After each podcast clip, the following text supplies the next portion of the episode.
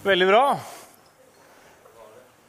Det er gøy med litt gospel. er det ikke det? Litt sånn 80-tallet. Jeg følte jeg var sånn eh, på gospel, eh, gospel Night. Er det noen som kjente på den stemningen? Var på Gospel Night med B-Mix. Yes. Veldig bra. Går det fint med dere? Ja, da kan vi få mye så det er rart, men det er godt dere svarer ja. Fint. Eh, vi er inne i en taleserie som vi har kalt 'Farget av Jesus'. Helt riktig. Eh, hvor jeg snakker om hvordan man kan være en disippel i 2020, den tida vi lever i. Og så er det min tur, eh, og jeg har tatt utgangspunkt i en gammel bok. En veldig gammel bok, faktisk 2000 år gammel.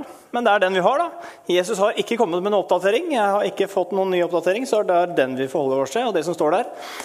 Og Noe av det Jesus sier der, det er Han sier f.eks. til røveren på korset. Så sier han i dag skal du bli med meg til paradis igjen.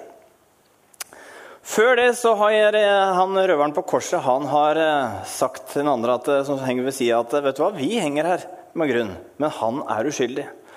Og så ser han på Jesus og så sier han, 'Tenk på meg'.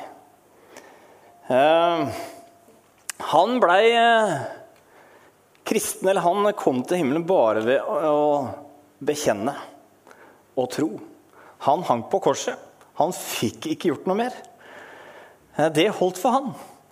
Og hvis du ser til eh, Efeserne 2,8, der sier eh, Paulus da sier han, For av nåde er dere frelst ved tro. Det er ikke deres eget verk, men Guds gave. Så frelsen, folkens, det er en gave. Punktum finale. Det er ikke noe du og jeg skal prestere. Så det handler om at vi har gjort blitt, vi har blitt rettferdiggjort, som det heter pga. hva Jesus har gjort. Og så har Jesus gjort resten. Men eh, røveren på korset han hadde jo ikke lenge igjen. Men vi lever her. Og eh, til de Jesus møtte, og til oss, så har Jesus et budskap. Eh, og det er, som han sin, når han starta å gå rundt, så sa han 'Venn om', sa han. 'Venn om, for himmelriket er nær. Det er jo fint å høre og tro.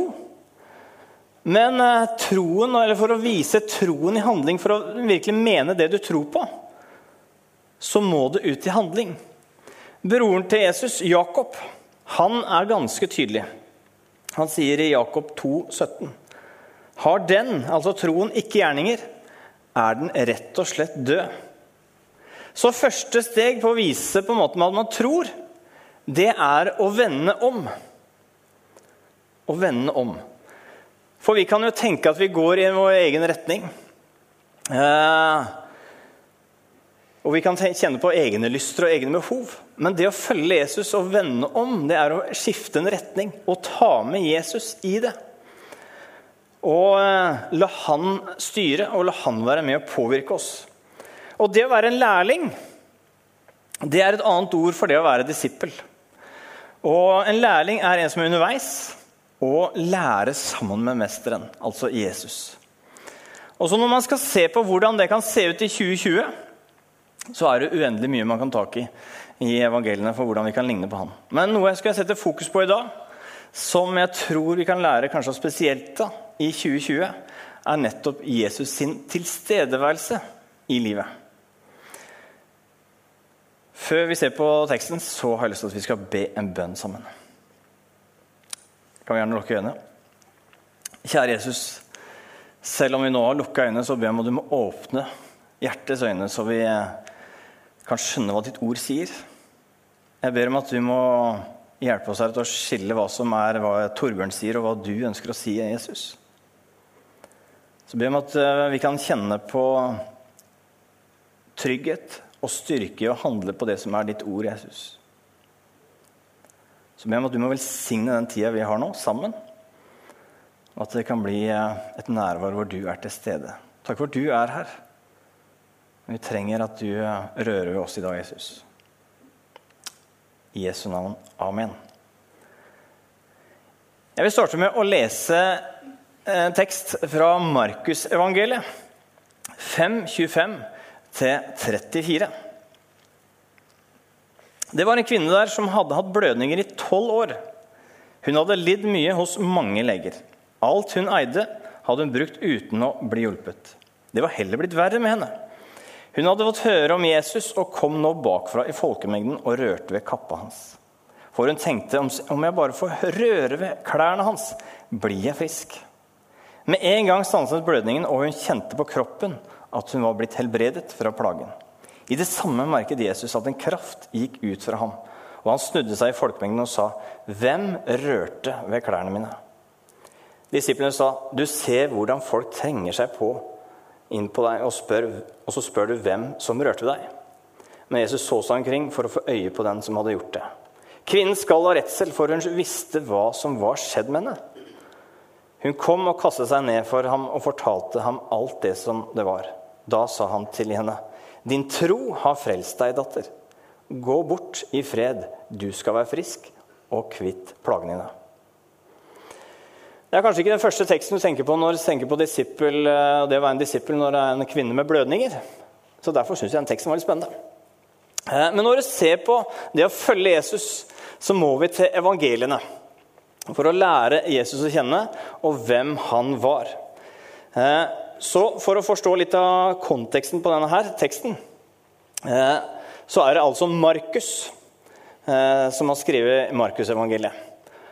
Og eh, før denne teksten så er altså disiplene og Jesus de er på en båtreise. Og Jesus han ligger og sover på en pute.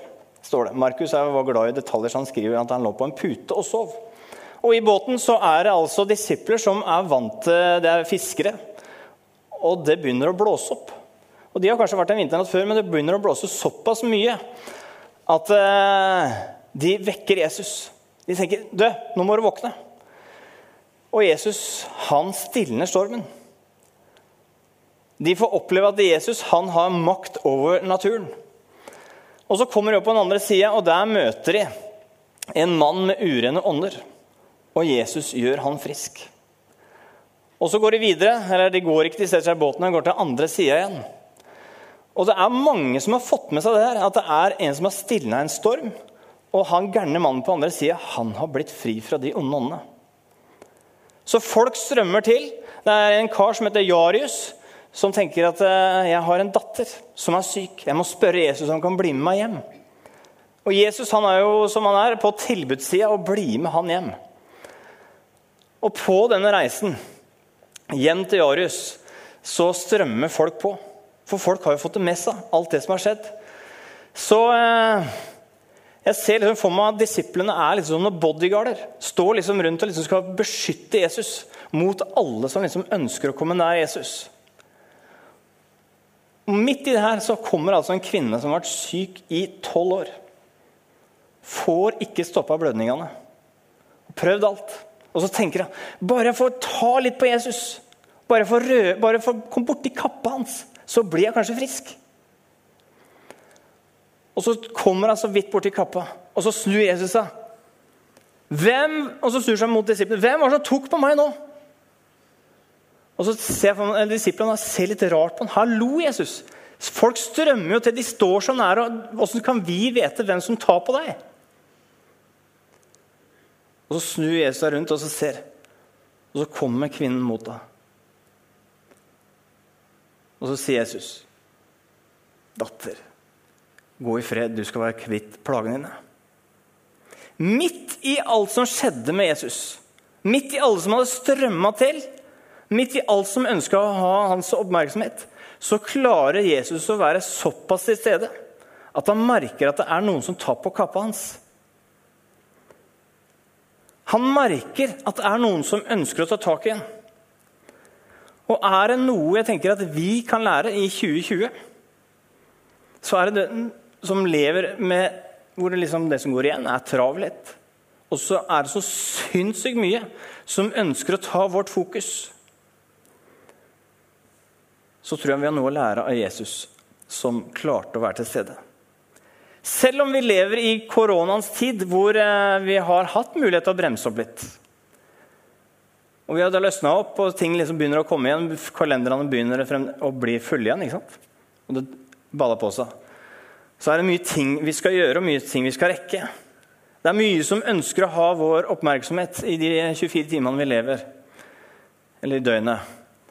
Om man er ungdom, eller om man er eh, barne og familie, eller om det er eh, nærmer seg pensjonist, så er det så mye vi skal rekke. Det er så mye vi skal få med oss, og mye som ønsker vår oppmerksomhet. Og hvordan kan vi ligne på Jesus i det? Nokia 9000 får jo den. Er det noen som hadde den i 1996? Velsigne deg, du hadde den. Herlig. Dette er den første smarttelefonen som kom. Vi hadde jo hatt telefoner før det, men når den kom, så var det jo banebrytende. Det var en av de første smarttelefonene som gjorde at man kunne bruke Internett samtidig som Ikke samtidig, men man var mulighet for det.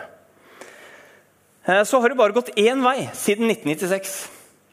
Eh, I 2000-tallet så bare kom flere og flere. Og i dag så er det over seks millioner eh, telefoner sånne.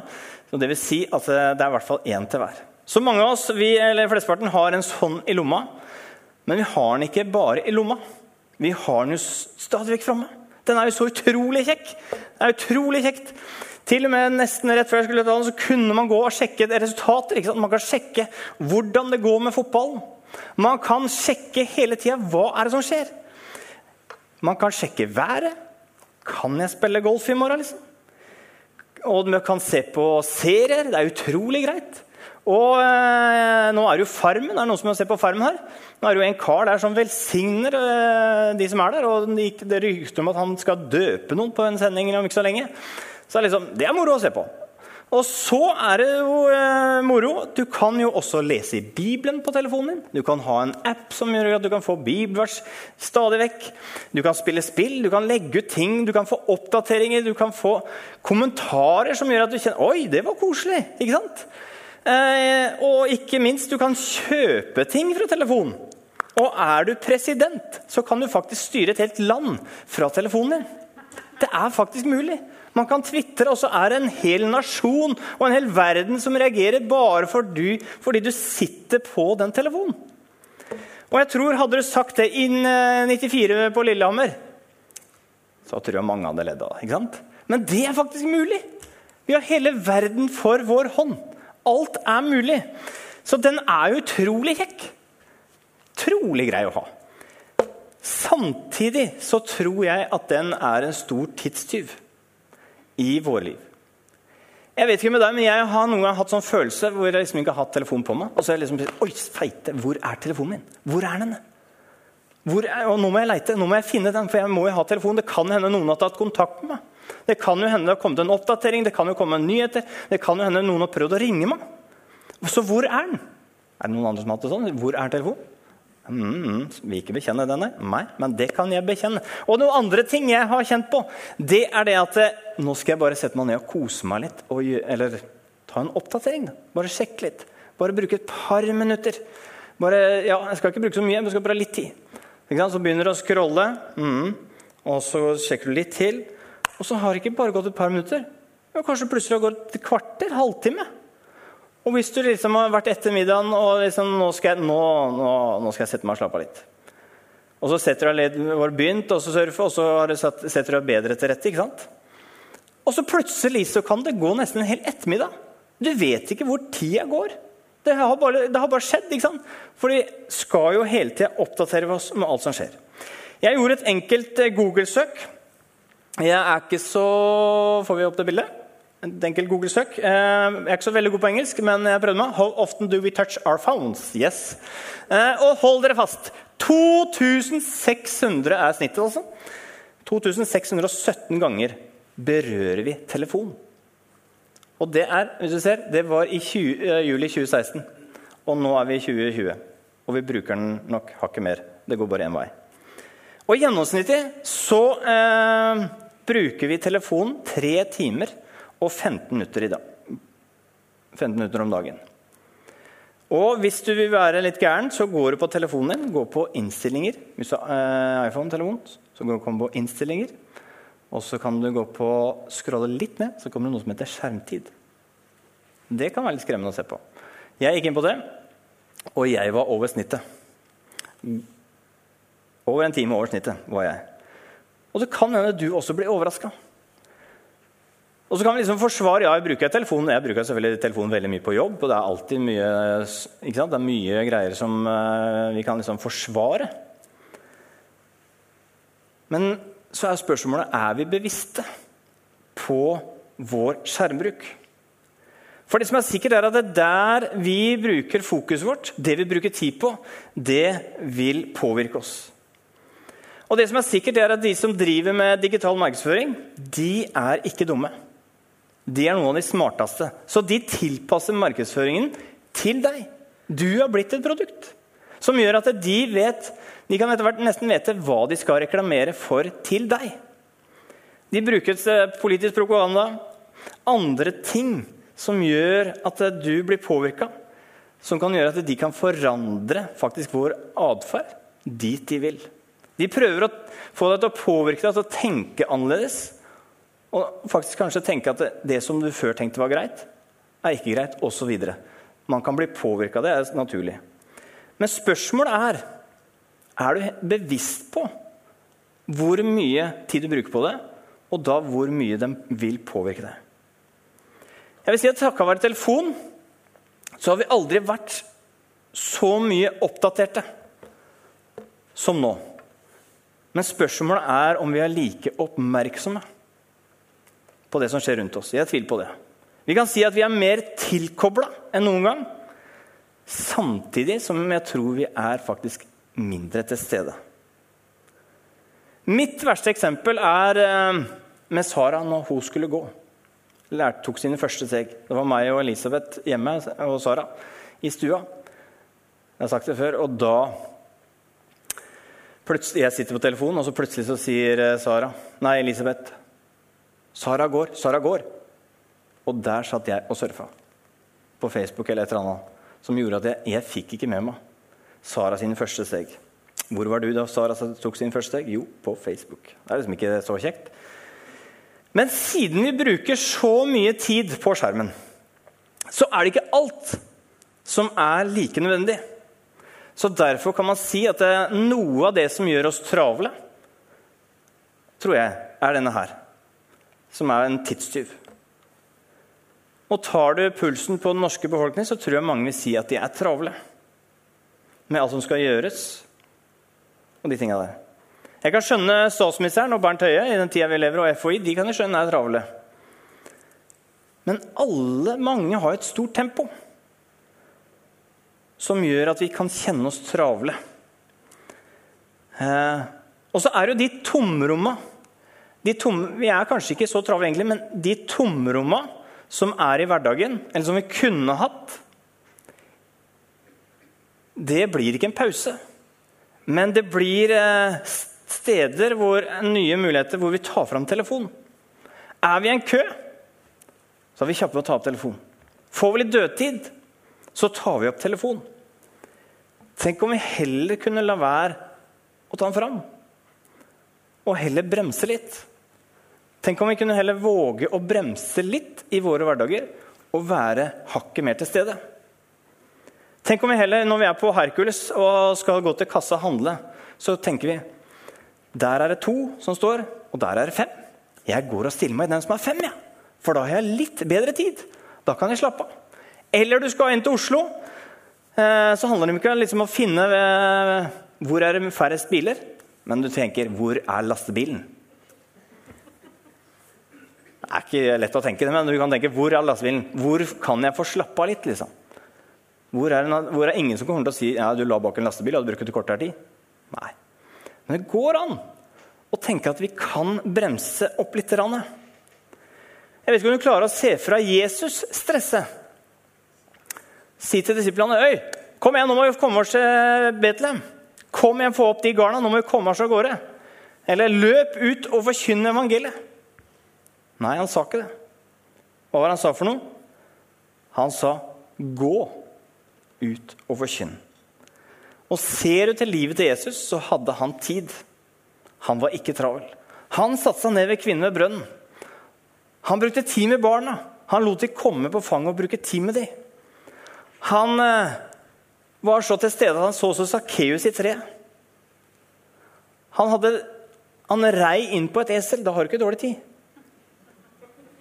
Og han hadde til, når kameraten Lasarus var død, så hadde han også god tid. Og evangeliet er full av steder hvor Jesus går, og hvor Jesus setter seg ned. Fordi at Jesus hadde tid. Jesus hadde tid og var til stede i livet. En japansk teolog som heter eh, skal jeg ikke prøve, jo, Kosuko Koyama. Kosuko Koyama. Han har skrevet denne boka her, 'Three Mile Hour God'. Eller oversatt til norsk ca. 5 km i timens Gud. Hvor han beskriver en gud som går. En gud som har tid til å være til stede. En gud som er nær. Og Man kan jo si at Jesus var treig, for han var ikke travel. Han var ikke stressa. Men når jeg skrev notatene mine og skrev at Jesus var treig, så kjente jeg at det, det klinger litt dårlig. For det at Jesus, det er noe, noe nedlatende om Jesus. Det går ikke helt opp. Det hadde jo passa mye bedre hvis jeg hadde skrevet at Jesus han var rask. Det passer jo mye bedre i 2020. For da tenker vi at noen er flinke, noen er driftige og fremgangsrike. Men i vår kultur i 2020 så idealiserer dette med travelhet. Travelhet blir liksom tegnet på suksess. Men sannheten folkens, det er vel heller at det, travelheten det stjeler noe av gleden med å være til stede akkurat i livet når det skjer. Carl Jung han er mannen bak eh, My Bricks-testen, som kanskje noen av dere har tatt. Han sier det ganske eh, ikke veldig positivt. Travelhet er ikke av djevelen. Travelhet er djevelen. Det som i hvert fall er sikkert, det er at når vi er travle, så ligner vi mindre på Jesus. Og Jeg tror vi kan sikkert begrunne vår travelhet med gode intensjoner. For vi skal jo gjøre det bra, vi skal jo gjøre godt. Men jeg tror midt i vår travelhet, med alt det vi skal gjøre, når du er travel, så har gjerne blikket festa der framme. Og du er ikke til stede akkurat her og nå. Har du blikket festa der framme, så, får du ikke alltid med seg det som skjer mens du går. Ikke sant? Så vi trenger å stoppe opp og være til stede der det skjer. I eh, familieterapien som jeg har studert, så handler det ikke alltid om at to skal bli enige i en samtale. Det som er det viktige, det er at man blir sett og møtt og hørt. At det er rom for tid til å lytte. Tid for at den andre kan få snakke ut. Tid for at den andre opplever seg hørt. Det må være rom for at vi er til stede for hverandre. Jesus han var til stede midt i folkemengden, med alt det som pressa på han. Se for deg en som har stilna en storm, en som har redda han på andre sida. Og så kommer han her, og så er han 100 til stede. Han er så til stede at han merker at den kvinnen tar ved kappa hans.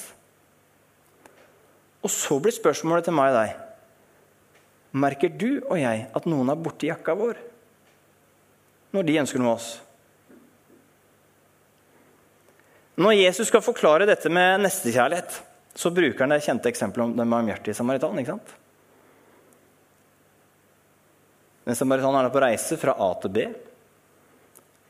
Og Det var en annen kar som skulle også ta den reisen, men han ble banka opp. Så Han ligger på den veien der. Og det er flere som er på den reisen der. Det er to prester.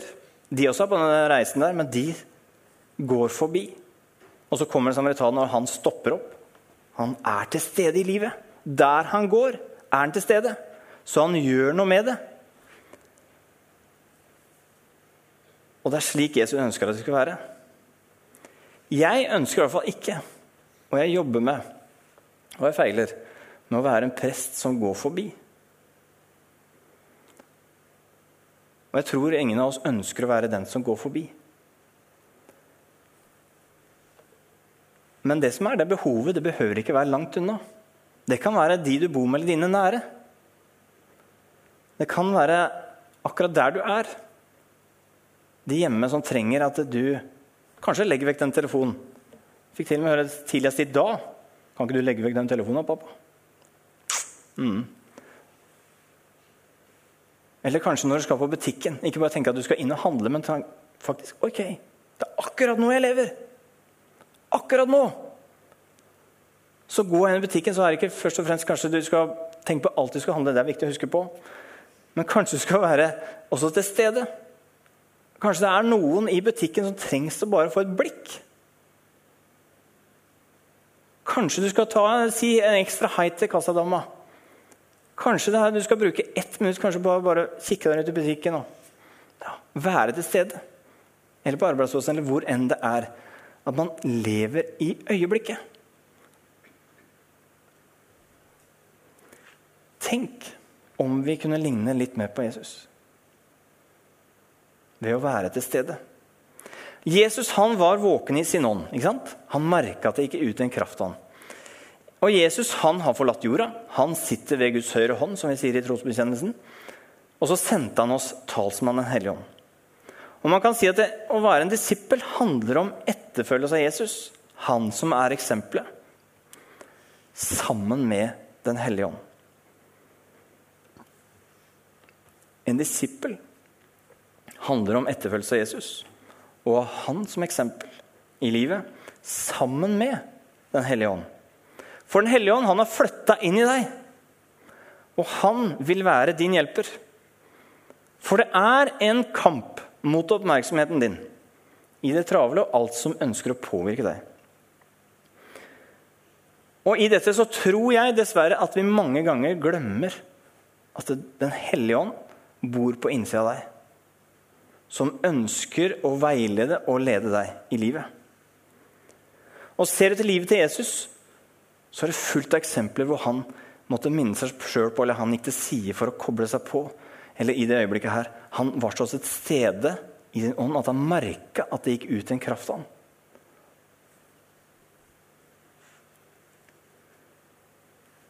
For ikke lenge siden så hadde jeg en samtale var hjemme hos eh, en person.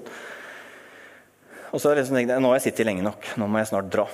Og så fikk jeg en stemme og tenkte jeg at nei, du skal sitte litt til. Nå skal du stille et spørsmål om livet. Og så gjør jeg det. Og samtalen får en helt annen vending. Og personen deler noe som den ikke har delt før.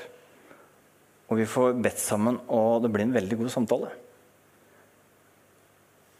Og tidligere i uka så satt jeg ved telefonen eh, selvfølgelig da, nok en gang og sendte en melding.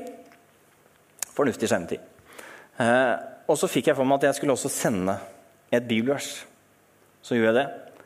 Og så fikk jeg den. Jeg hadde akkurat sendt det. Så var det som det kom i retur med en gang. Så sto det 'Denne må komme fra oven'. Og så var det noe akkurat den personen trengte. Og da kjenner man Ja, akkurat nå gikk jeg i hvert fall ikke forbi.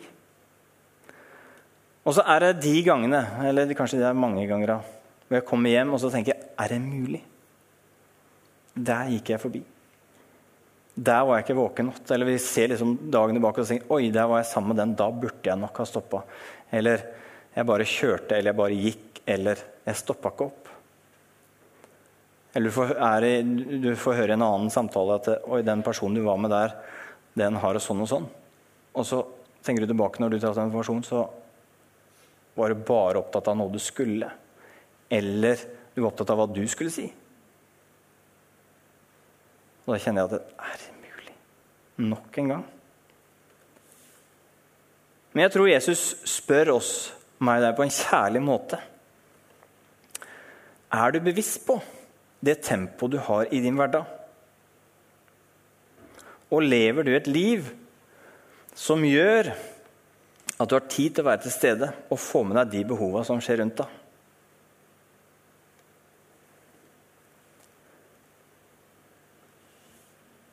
Dette utfordrer meg pga. min skjermbruk og hvor ofte jeg er travel. Hvor ofte jeg tenker på alt jeg skal rekke, og det jeg har der framme, målet, istedenfor å leve nå. Så jeg kjenner at jeg blir utfordra av Jesus sin tilstedeværelse. Og så kjenner du ditt liv. Du vet hva du følger eh, hverdagen og dagen inn med. Og hvor du og blikket ditt. Men så er spørsmålet til meg og deg merker vi når noen drar i oss? Jeg kjenner at jeg trenger nåden. Og jeg syns det er godt å vite at det, som en disippel så er vi alle underveis. Vi er lærlinger, og vi får lov til å lære av mesteren. Og så kan også vi få være som en kvinne som rørte kappa til Jesus. Vi kan også bare tenke at ok, jeg trenger bare en liten berøring. Så holder det. Når, eh, når jeg forberedte med talen her, så ble jeg også minna om noe Jesus sier når han skal forklare den kjærligheten han har til oss. ikke sant? Så snakkes det mye om Jesus sier at han går. Men når Jesus skal forklare hvor stor kjærlighet han har når vi kommer til han, så snakker han om at han har en far som springer oss i møte. Det syns jeg er godt å vite. Jesus har utrolig god tid. Men når det er snakk om vår når vi ønsker å komme til Han, så springer han. Da har han ikke dårlig tid. Da springer han oss i møte, sånn som han gjorde med bortkomne sønn. Skal vi, kan vi jo la det være stille? Og så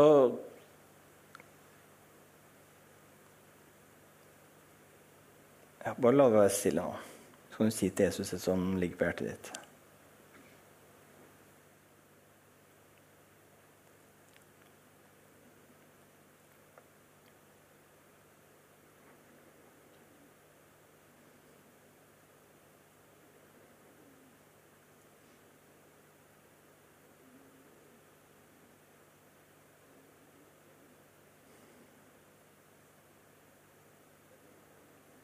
Hjelp oss, Jesus. Hjelp oss til å venne oss til deg. Hjelp oss til å være til stede i våre liv, Jesus, sånn som du var, Jesus. Hjelp oss til å bremse ned, så at vi får med oss de som eh, ønsker å dra i oss i en eller annen form, Jesus. Og så takker jeg deg for at du møter oss, Herre. Takk for at vi også kan bare berøre deg så vidt, Herre. Så holder det. Vi kommer til deg med vår svake tro. Så trenger vi nåde. Og vi trenger deg, Jesus, i vår liv, Jesus.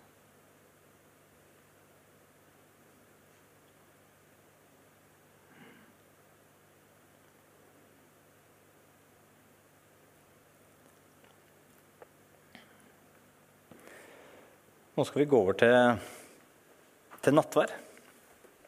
Og vi skal feire hva Jesus har gjort for oss. Nattvær er et minnesmåltid hvor de som ønsker å tro på Han, får lov til å komme fram. Og det er et nådesmåltid hvor det handler om at vi skal få lov til å bare komme og få.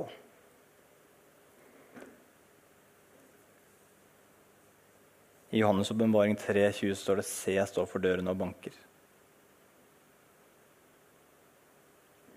Og å hører min røst, og jeg kommer inn med han og holder måltid. Jeg med han og han med meg. I ditt liv så kan vi åpne døra mer og mer for Jesus. Så vil han være med deg.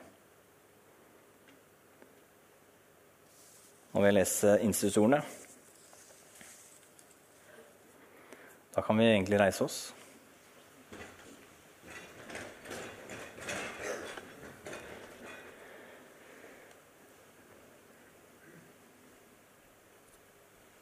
For jeg har mottatt fra Herren det jeg også har gitt videre til dere. I natt da Herren Jesus ble forrådt, tok han et brød, takket brød og sa, 'Dette er min kropp, som er for dere. Gjør dette til minne om meg.' På samme måte tok han begeret etter måltidet og sa, 'Dette begeret er den nye pakt i mitt blod.' Hver gang dere drikker av det, gjør det til minne om meg.'